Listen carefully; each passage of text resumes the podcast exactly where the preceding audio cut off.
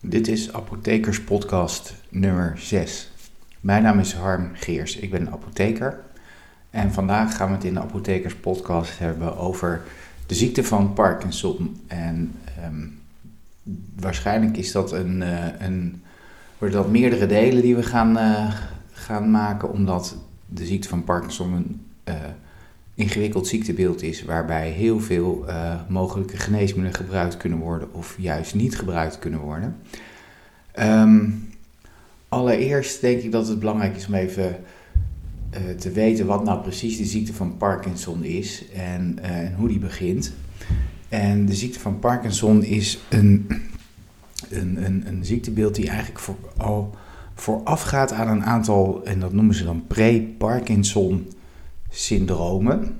En um, dat is onder andere bij mensen die uh, vaak al twintig jaar van tevoren last hebben van obstipatie. Dat wordt eigenlijk nooit herkend als een symptoom van de ziekte van Parkinson, omdat die mensen altijd al jaren hebben voordat ze eigenlijk de, de, de hoofdsymptomen van de ziekte van Parkinson hebben. Maar die obstipatie die hebben ze vaak al heel erg lang en ze denken dat dat ook bij hun uh, normale leven hoort.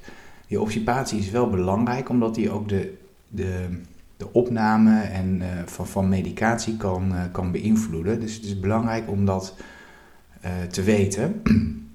Verder treden op nou, zeg maar 10 tot 5 jaar voor de diagnose. Een daarvan is remslaapstoornissen, oftewel in het Engels REM Sleep Behavioral Disorder. Dat zijn um, dat zijn hele enge dromen die helemaal uitgebeeld worden. Normaal gesproken als iemand slaapt, dan ligt hij eigenlijk en, en dan beweegt hij zich niet. Dan kan je wel eng dromen. Maar mensen met remslaapstoornissen, met, met RBD, zoals dat dan heet, REM Sleep Behavioral Disorder, die beelden hun uh, dromen enorm uit. Dus die, als er een boef is, dan gaan ze bij wijze van spreken gaan ze slaan. En vaak weten die mensen dat zelf niet, maar kan de partner dat uh, haar fijn vertellen. Verder treedt op 5 tot 10 jaar voor de diagnose vaak angst en depressies. En wat je ook vaak ziet, of wat ook voorkomt, is hyposmie. Dat betekent verminderde reuk. Nou, um, als je dan uiteindelijk uh, verder komt, dan, dan zijn de eigenlijk de kernsymptomen van de ziekte van Parkinson. Dat zijn stijfheid, oftewel dat heet ook wel rigiditeit. Um, het vermindert bewegen en moeilijker bewegen, dat heet akinesie. En vaak hebben mensen, soms hebben mensen ook een, een, een tremor, dan trillen ze een beetje. Um, en wat ook veel voorkomt zijn balans- en loopstoornissen. Met name dat leidt tot, tot, kan het leiden tot vallen wat natuurlijk heel risicovol is. En dat, al deze symptomen die te maken hebben met bewegen, die worden motorsymptomen genoemd. Dus motor staat voor ja, eigenlijk wat de boel in beweging zet. En je hebt ook niet-motorische symptomen, die behoren bij de ziekte van Parkinson. En daarvan, daaronder vallen onder andere dat depressie en psychose en orthostatische hypotensie of orthostatische hypertensie, hoe is maar net hoe je het wil noemen.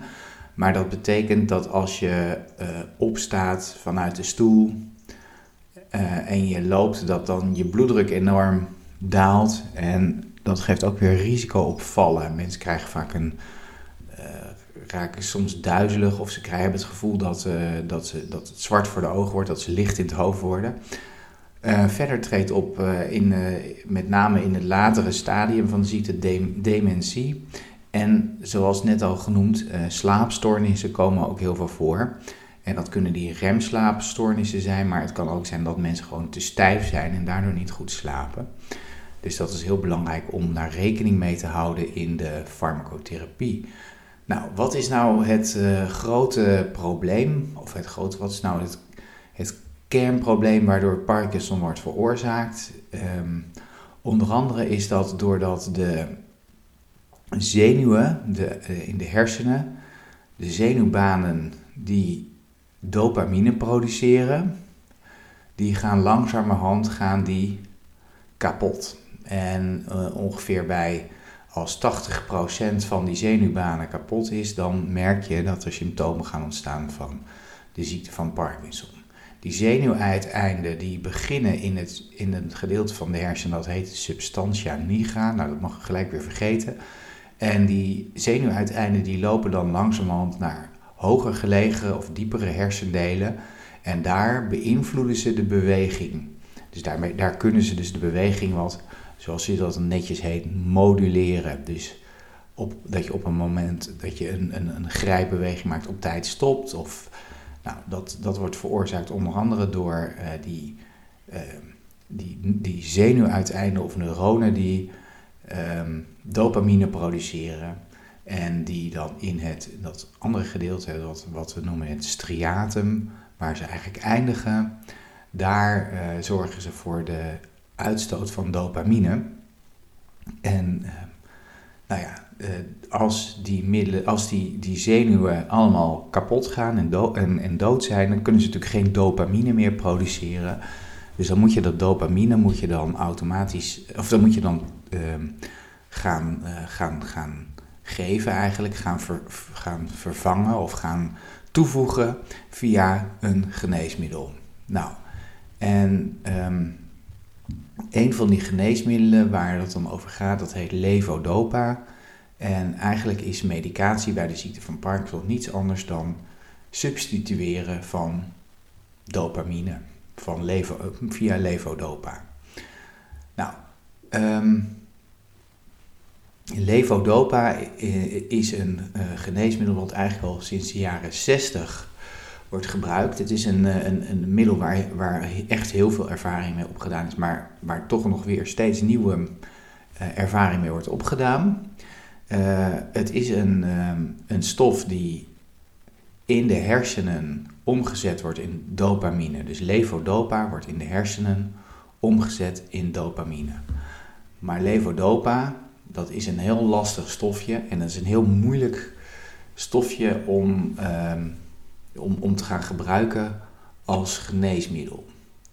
Want, um, nou ja, zo, zoals u waarschijnlijk weet, als u ziekte van Parkinson hebt, dan, dan weet u dat levodopa, dat daar altijd een ander middel bij zit. Je hebt levodopa carbidopa en levodopa met benzerazide. Nou, die carbidopa en die benzerazide die dienen ervoor om te zorgen dat het levodopa wordt, wordt opgenomen in het bloed, uh, niet al uh, buiten de hersenen omgezet wordt in dopamine. Als dat namelijk gebeurt, dan krijg je bijwerkingen zoals bloeddrukdaling. En dat is niet wat je wil. Uh, dus die levodopa moet in de hersenen pas worden omgezet in dopamine.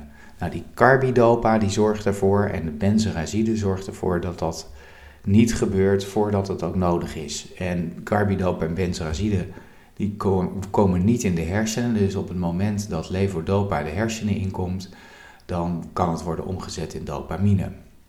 Nou, um, levodopa en carbidopa, die hebben, dat heet, heet in het uh, dagelijks leven ook Cinemet, dat is de merknaam. En levodopa met benzerazide, dat heet Madopar. Beide middelen zijn eigenlijk vergelijkbaar. Er zitten een paar kleine verschillen in, uh, in de werking. Met name heeft dat te maken met hoe snel ze werken en hoe lang ze werken.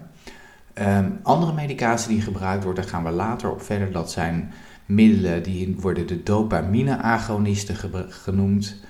Uh, en dat is ropinirol of pramipexol onder andere. En dan heb je nog de glutamaat-antagonisten.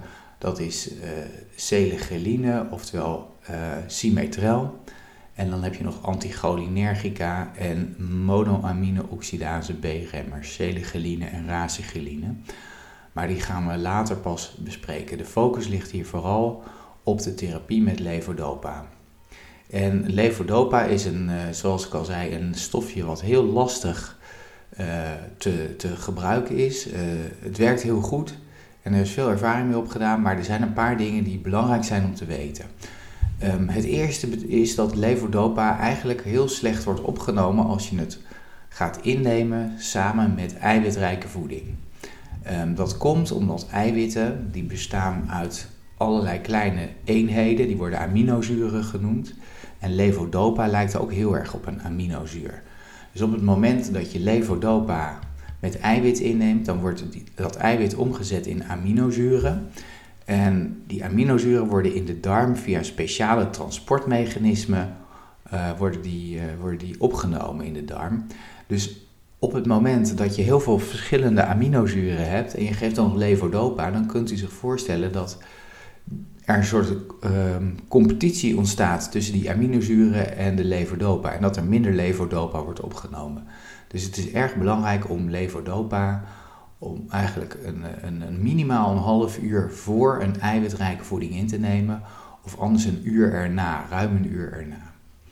Nou, van die levodopa, wat vervolgens wordt opgenomen in de darm, ehm, merk je dat uh, dan, daarvan, vanaf daar moet het ook nog via het bloed naar de hersenen getransporteerd worden.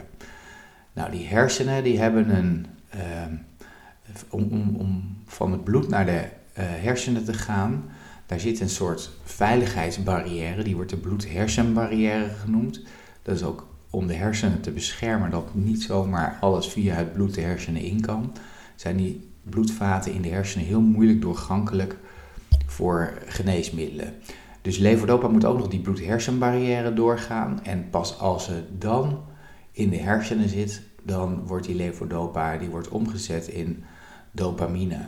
En binnen die hersenen zitten, zijn er nog, ook nog allerlei um, enzym, enzymen en enzymsystemen die die levodopa en de dopamine ook weer onschadelijk maken. Dus um, dopamine wordt ook heel snel weer afgebroken.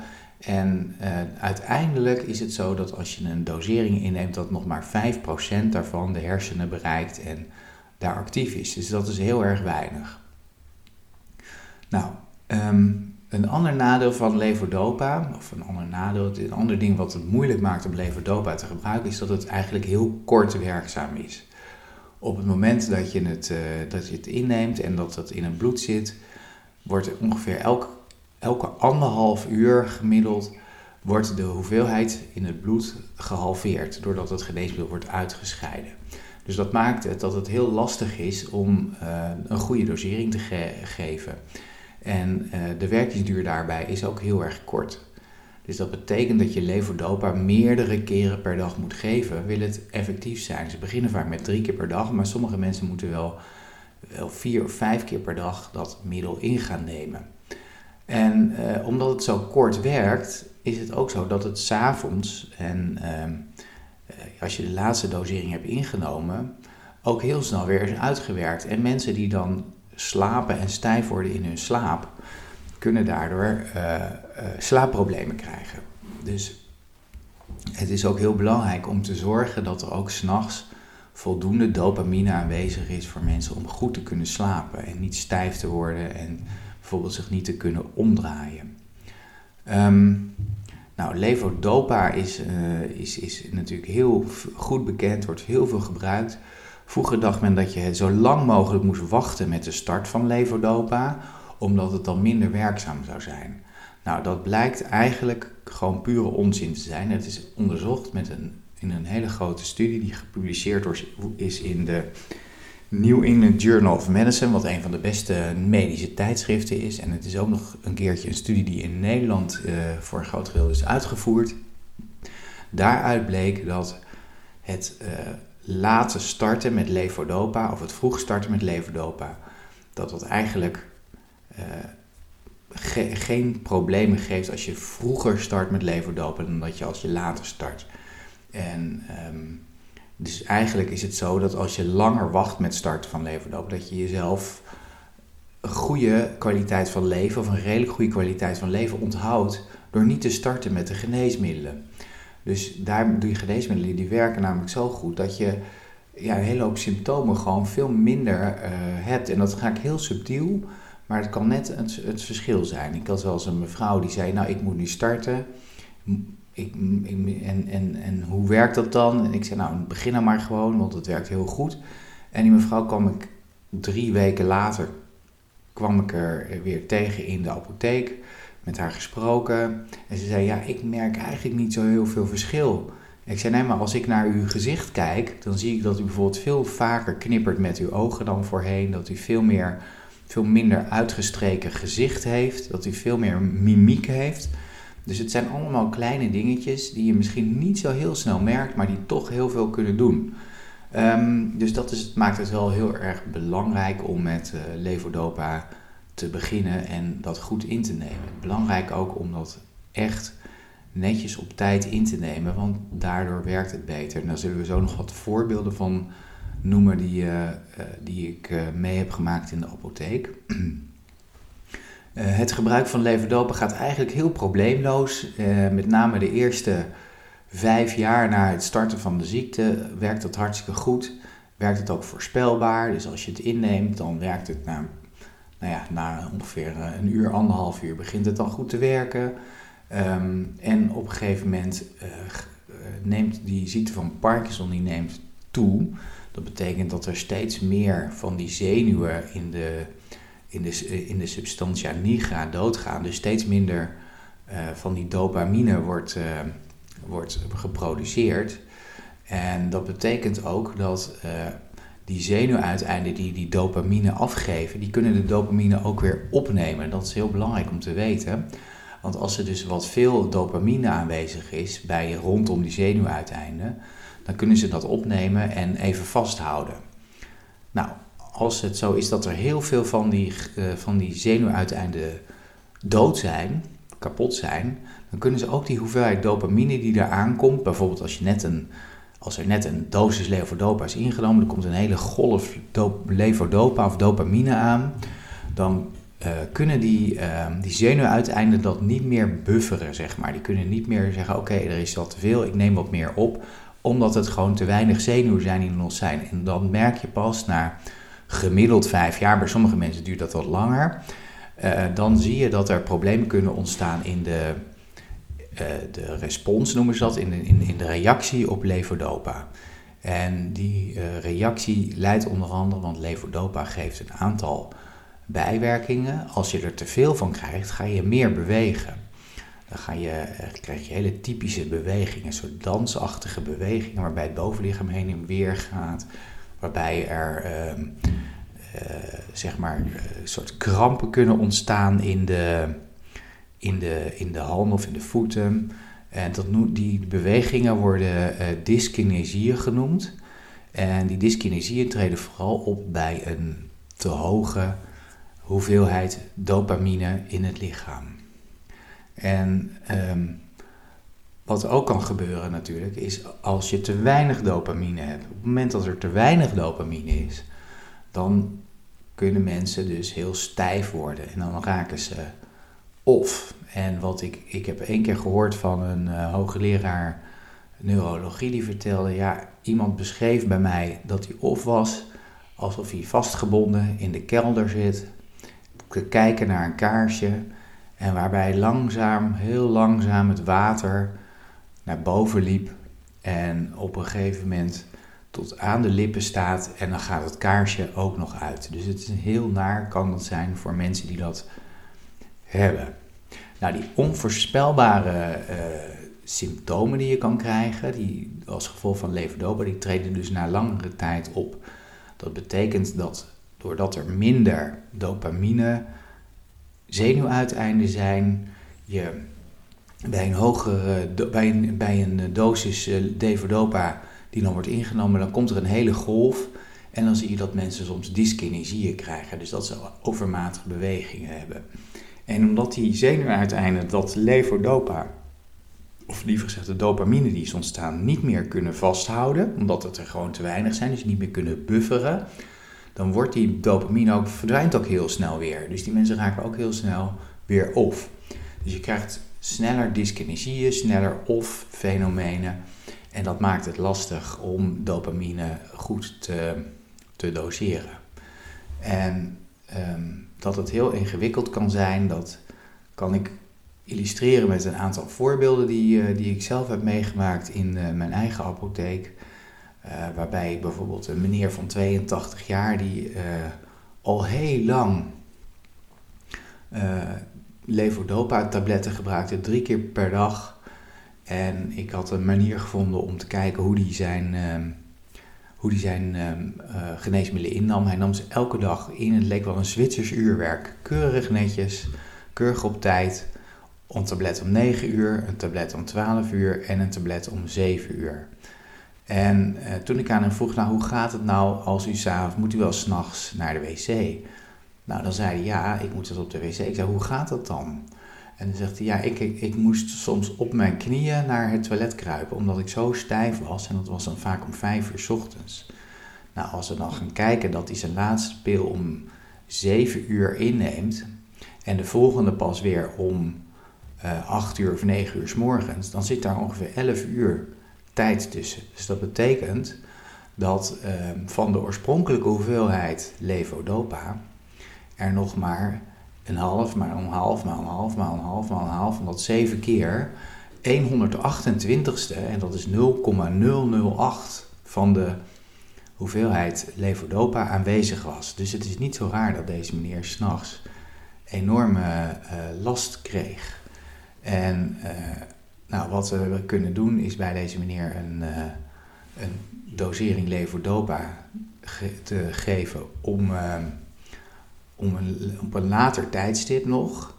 En hij gaf zelf aan dat dat een aanzienlijke verbetering had gegeven. Wat ze dan vaak doen is levodopa, carbidopa geven met een vertraagde afgifte, dus een retard. Dat betekent dat het geneesmiddel heel langzaam wordt afgegeven en dat het gedurende een wat langere periode werkt. Dat is, uh, kan soms dat dat niet genoeg is, maar uh, mensen krijgen toch wel vaak verbetering van hun, uh, van hun slaap en dat ze zich ook beter kunnen omdraaien.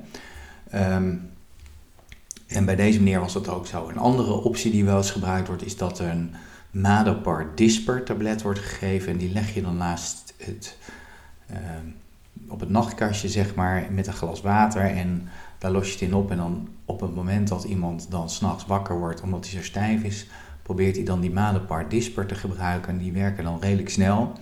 En dan, um, uh, nou, dan, dan gaat het werken en dan kunnen mensen toch weer redelijk goed slapen daarna.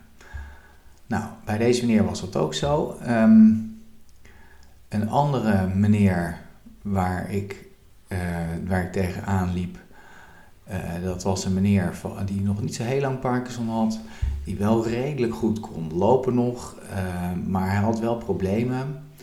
Uh, met name in de avond, als hij rond 9 eh, uur of 10 uur had hij wat moeite met het opstaan uit zijn stoel. Dan leek hij vastgeplakt te zitten aan zijn stoel. Hij gebruikte levodopa, carbidopa, 125 milligram. En dat nam hij in om uh, half 9, om 12 uur, om 5 uur en om 10 uur s'avonds. En wij dachten, nou, wat er, wat er kan zijn, is dat, hij een, dat het zo'n wearing-off effect is. Hè? Dus dat mensen langzamerhand die levodopa gaat uitwerken en dat mensen tegen de tijd dat ze een nieuwe dosis moeten hebben, uh, Parkinson-achtige problemen krijgen, zoals in dit geval het vastzitten aan de stoel. Bij deze meneer hebben we zijn, uh, zijn medicatie, de laatste dosering, hebben we wat uh, eerder laten innemen. En daardoor kon hij eigenlijk nog s'avonds goed functioneren. En um, had hij minder last dat hij vastplakte aan zijn stoel, vast zat aan zijn stoel. En dat hij daardoor eigenlijk ook veel beter uh, kon functioneren. En met een, het gedurende de nacht kon hij eigenlijk prima slapen nog. En had hij geen problemen met stijfheid. Dus dat was een hele goede optie. Dus dat geeft al aan dat je met levodopa heel goed moet kijken naar de tijden wat je, waar je het op inneemt. Dat kan heel belangrijk zijn voor het effect, voor het wearing off of voor die dyskinesieën die kunnen optreden.